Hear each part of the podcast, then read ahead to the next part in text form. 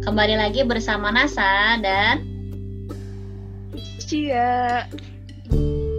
Oke, aku tebak ya. Omnibus Law. eh Ya bukan?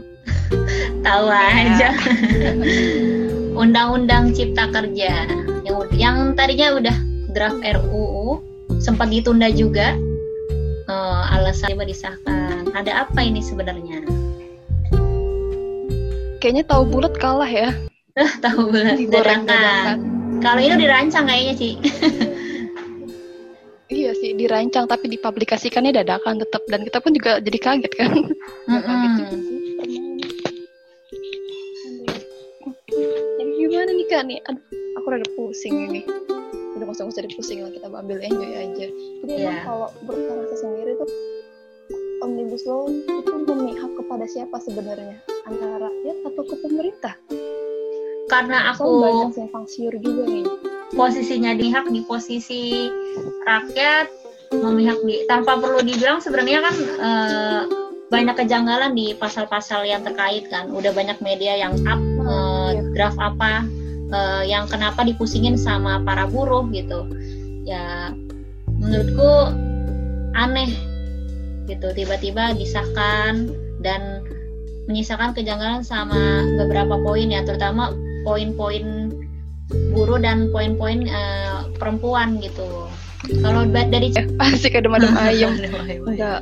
Karena kita termasuk buruh kan ya. Nah, Iya karyawan ya. kita termasuk gue nih kak. Iya termasuk lah ya. ya, ya gimana ya sebagai ibaratnya di posisi kita sebagai rakyat.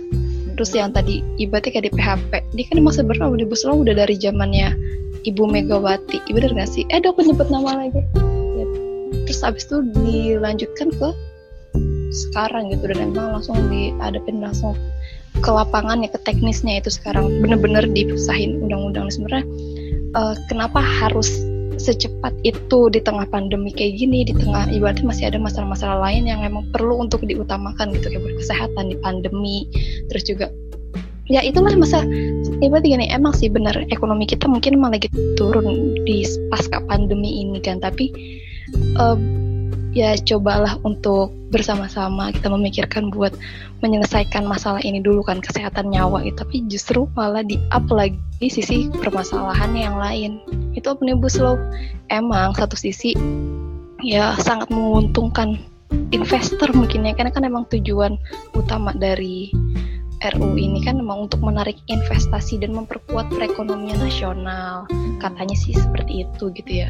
Tapi yang jadi permasalahan mem- memperkuat perekonomian nasionalnya itu tertujunya ke mana sih? Maksudnya itu ke mana sebenarnya? Karena ya emang ekonomi jadi permasalahan kita kan saat ini. Tapi ketika yang solusi yang ditawarkan itu seperti itu justru makin menurut aku ya ya justru makin memperbanyak memperkeruh lagi suasana bahkan yang aku jadi bingungin gini semestinya ya eh, ibaratnya pemerintah, pemerintah DPR itu kan mewakili suara kita, suara rakyat. Nah, tapi apa yang mau diwakili tuh rakyat juga semua pada nggak setuju. Terus kenapa terus diteruskan? Berarti jadi pertanyaan mereka tuh sebenarnya mewakili rakyat yang mana? Kalangan atas Nah. kali ya. Banyak Oh, jadi meme, kita bukan- iya, dibuat gitu sama autor-autor meme yang eh, gambar-gambar lucu tentang undang-undang ini sendiri gitu kan. Kucil-kucil kecil yang eh, meminta makanan gitu kan itu kan Kita kayak ya. mungkin kita ya iya lalu gini Ci eh, kan banyak tuh eh, media yang udah menampilkan bedanya undang-undang ketenaga kerjaan sama undang-undang cipta kerja ini gitu. Ya banyak topiknya gitu kan.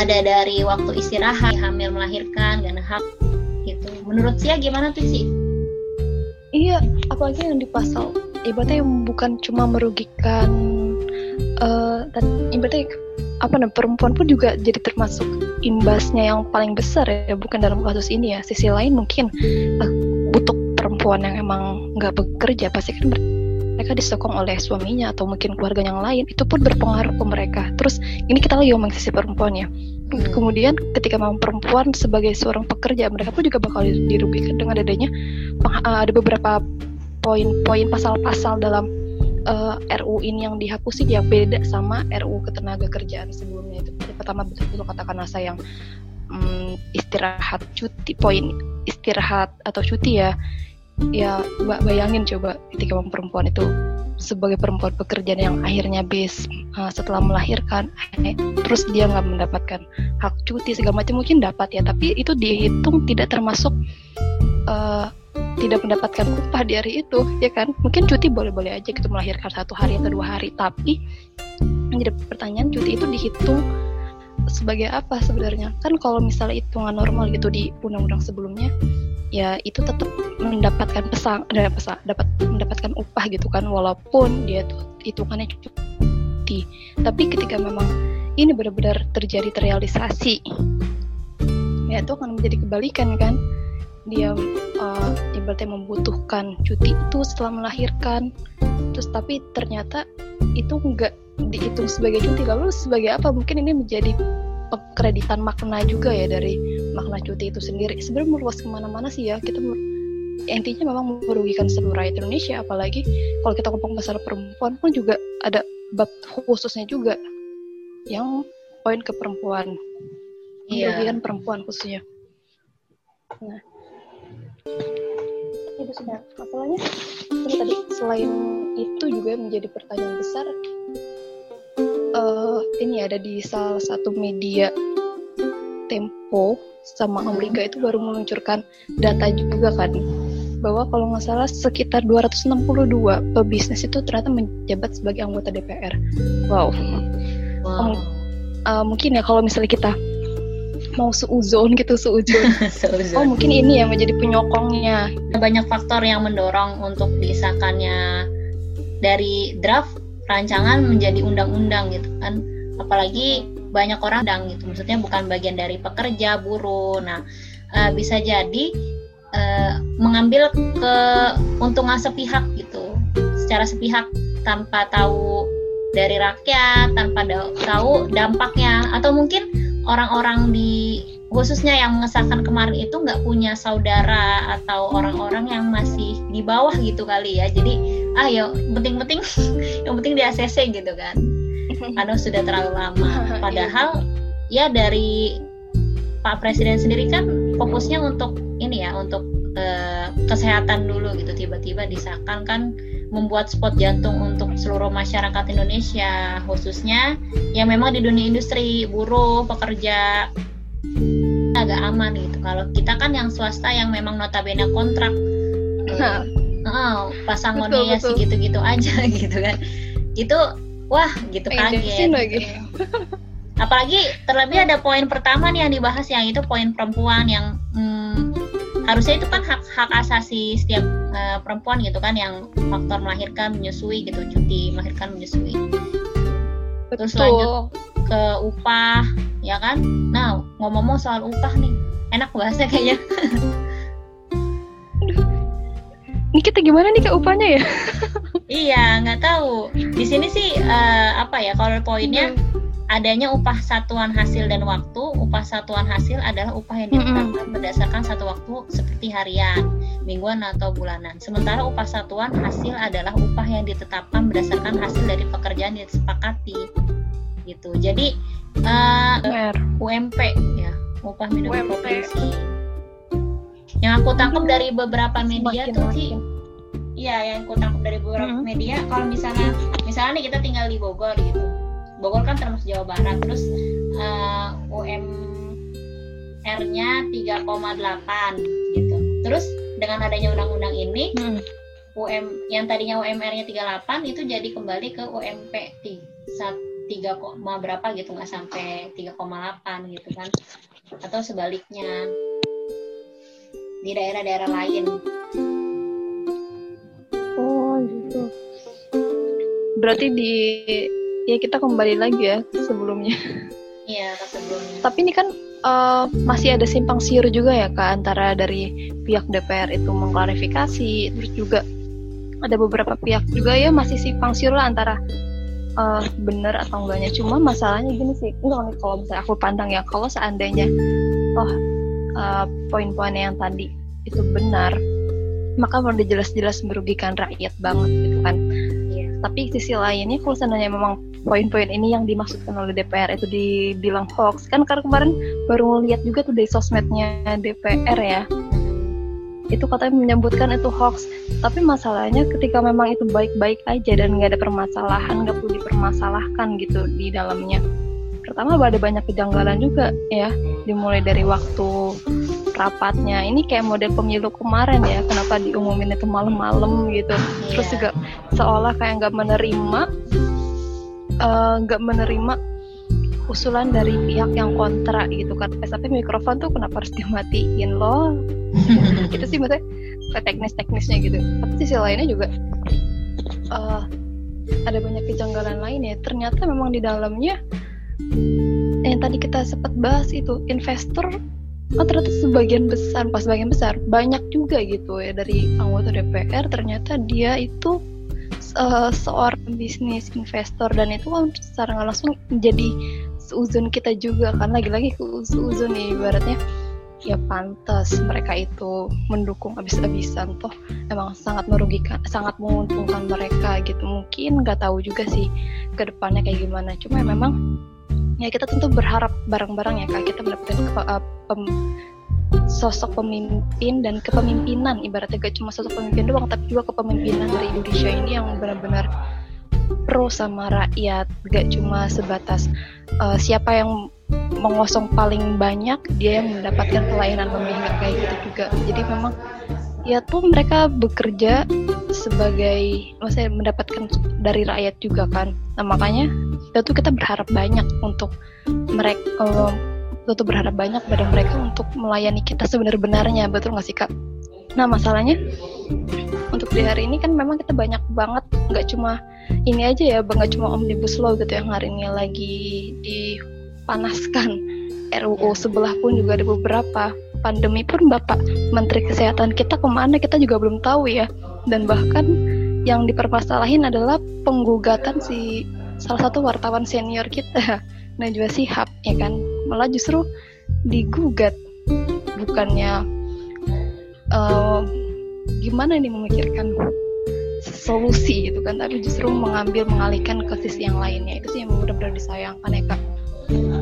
Iya banyak uh, apa pengalihan isu yang harusnya kita bahas concern eh, teman-teman seperti teman-teman mahasiswa yang lagi berjuang atau teman-teman yang bergabung di Serikat Buruh Indonesia gitu kan untuk perjuangan yang undang-undang kerja ini karena memang hak-haknya sudah dipangkas habis gitu dari upah yang tadi kita bahas terus uh, segala penghargaan seperti pasangon gitu kan kalau misalnya nanti udah uh, apa pensiun gitu itu uh, benar-benar nggak ada. iya. Oh iya uh, ayah juga dulu kan ini ya Ci uh, bekerja di industri juga ya Ci. Terus pernah sempat pas dapat pasangan juga kan? Alhamdulillah. Iya itu dulu kan. Nah. Kalau sekarang yang di oh ya selang satu tahun yang kalau sekarang nih sih yang di yang menurut informasi yang ada di poin itu eh, nggak uh, ada tuh uh, apa ya penghargaan bagi masa kerja yang di atas 20 tahun gitu. Atau masa kerja 24 tahun itu penghargaannya akan dihapus. Jadi benar-benar uh, apa ya seperti sapi perah gitu kalau diberatkan. Jadi cuman kalau udah uh, masanya udah habis udah nggak berkompeten ya udah ditinggal gitu. Itu sih yang aku sangat disayangkan kenapa nggak ada penghargaan. Di sini juga dihapus semua gitu nah itu. Masalahnya dan uh, ya emang ini sih biar mereka nggak usah pusing-pusing gitu berarti uh, pebis para pebisnis itu kalau misalnya nggak cocok sama pekerjaannya ya udah tinggal cut cut cut gitu kan. Jadi kayak yeah. kita balik lagi ke mempermudah untuk mempermudah mereka untuk memperhatikan gak perlu mikirin pesangon lagi segala macam. Jadi ya udah beker, uh, sistem bekerjanya ke depannya mungkin uh, kalau lo butuh ya lo masuk. Kalau nggak butuh ya lo keluar aja silahkan hmm. gitu kan ya berarti jadi ya udah main kuat-kuatan gitu kan. Iya benar. Kalau karena saya sendiri nih harapannya nih kak kita kan udah mulai sih nggak simpel ya segala macam bener bertumpuk-tumpuk sih ya kekecewaannya gitu. Kalau harapan karena saya sendiri tuh gimana nih? Ya harapannya karena bulan Oktober ini bulan menuju Sumpah Pemuda juga, apalagi orang-orang betul. uh, seperti kita yang masih usia produktif gitu kan. Usia produktif itu kan 25 sampai ya sebelum pensiun ya 60 tahun gitu. Itu benar-benar mm, memanfaatkan dan selalu menjunjung kredibilitas, selalu menjunjung kejujuran di lingkungan kerjanya. Dan untuk undang-undang yang udah terlanjur tersahkan ini uh, berikut dengan poin-poinnya ya kita sebagai apa ya sebagai pekerja gitu ya harus aware sama diri hidup dan pekerjaan itu benar-benar uh, apa ya seimbang gitu. ya. Terus harapan yang lain ya ya sebagai yang usia produktif benar-benar menjaga orang tua kita yang di rumah yang sudah pada pensiun atau memang udah nggak berkapasitas untuk bekerja lagi biar kita merawat mereka sebaik-baiknya gitu. Karena Indonesia ini semakin aneh menurutku ke depan tuh. Betul betul. Kita pindah aja yuk. Iya pengennya gitu. Tapi ya aku mencintai Indonesia dari segala penjuru dengan segala konflik dan pertentangan yang ada. Ya memang enaknya ya kita harus terjun langsung ya Ci. Uh, nah. untuk ke depannya gitu. Terjun langsung ya bukan terjun payung kok iya terjun langsung tuh ya ke lapangan langsung gitu supaya apalagi kasihan kan ngelihat orang-orang yang di bawah gitu orang-orang kecil. Haknya makin dirampas. Kayak lagu ya lagu apa tuh sih yang buru tani sini. Bukan ya? Oh, buru iya. tadi mahasiswa jadi nyanyi udah aja nostalgia lah. Ya, oke oke jangan nostalgia. Menyedihkan. Oh dari sen dari Cia sendiri gimana harapannya? um, sebenarnya ya pasti kalau uh, mungkin gak cuma aku doang berharap. Dan uh, teman-teman semua dan rakyat-rakyat Indonesia pun juga pasti tentu berharap mereka hidup dari rakyat ibaratnya gitu kan dan kita pun juga perlu untuk uh, berharap gitu berharap lebih bahwasanya ya apa pun kebijakannya segala macamnya ya semestinya uh, mendengarkan kata-kata rakyat nggak cuma diabaikan. Jangan cuma uh, mengasih upah ibaratnya mengasih upah ibaratnya coba ngebaik-baikin rakyat pas lagi uh, apa kampanye aja lah buat nyukupin makan hari ini dan besok sampai akhirnya seterusnya kita diabaikan gak kayak gitu kita ibaratnya ya, uh, pengen pemimpin-pemimpin yang itu uh, bisa lebih bijak lagi mengambil kebijakan dan mana yang memang harus dituntaskan masalahnya mana juga yang perlu uh, masuk ke prioritas yang lainnya. Jadi pandai melihat skala prioritas dan juga kebebasan media, kebebasan opini segala macam yang mungkin itu juga menjadi salah satu poin penting juga yang perlu kita pertahankan gitu. Apalagi sosok tadi benar kata Kanasa sebagai usia-usia produktif hari ini kita tentu uh, perjalanan kita ya dianggapnya mungkin masih panjang barangkali gitu ya masih panjang ke depannya dan ketika hari ini kita melihat seperti itu ya mungkin ada hal-hal besar ataupun mungkin dari hal yang kecil dulu yang bisa kita lakukan gitu.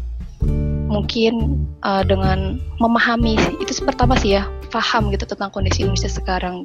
Jangan cuma yaudah kita hidup kita mencari nafkah untuk diri kita sendiri dan keluarga kita sendiri tapi kita mengabaikan permasalahan-permasalahan di Indonesia. Itu pertama kuncinya kunci untuk kita mau bergerak adalah kita memahami kondisi permasalahan yang ada di Indonesia ini Nah itu maka itu paham lalu kita bisa bergerak ke depannya.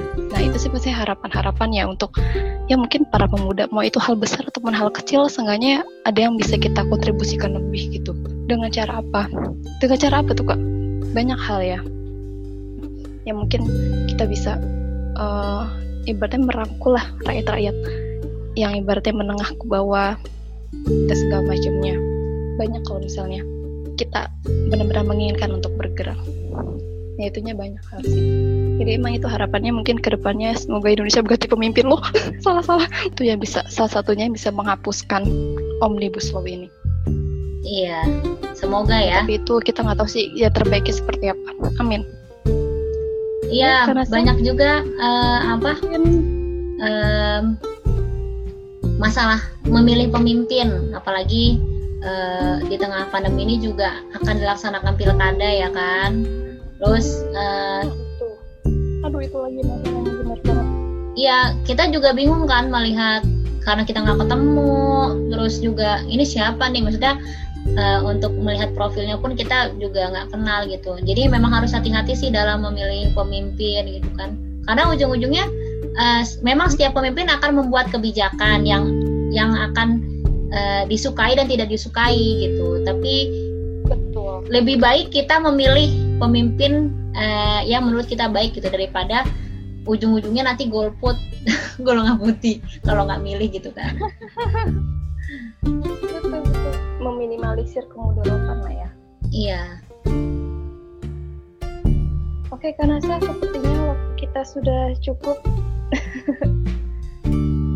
Oke. Okay. Ya begitulah ya. Mungkin semoga aja harapan-harapan kita yang tadi kita sampaikan itu menjadi uh, sebuah pemicu kita untuk menjadi lebih baik lagi untuk diri kita, keluarga maupun untuk negara ke depannya. Amin. Ke depan kita nggak tahu tuh kita posisinya di mana gitu. Tapi me melihat kondisi Indonesia saat ini gitu, memang butuh sosok pemimpin yang baik gitu kan, sosok pemimpin yang adil dan bijaksana gitu lah dalam mengambil setiap keputusan. Dari Cia ada uh, mungkin yang mau disampaikan lagi gitu kan? Um, jika mungkin kita kaji lagi lebih dalam untuk ke depannya. Mungkin kalau misalnya teman-teman yang lainnya yang lagi mendengarkan podcast kali ini punya usulan uh, coba kak analisis dari segi mananya ini boleh banget di komen nanti kita coba menganalisis hal itu jadi ini baru ibarat pembukaan ya kayak pembukaan dari kita pembahasan itu baru kulit aja atau mungkin nah, buat teman-teman semua yang mendengarkan jangan lupa selalu always tetap stay tune di update-update kita WU mungkin bisa di yang belum follow Instagram bisa follow kita di at at apa kak? At Woman United underscore official. Nah, betul. Nah, di situ bakalan ada update-update terbaru dari WU, khususnya untuk di podcast ini ya. Ini teman-teman uh, stay tune terus di program kita Rabu Seru Podcast bareng WU. Yeay. Ya.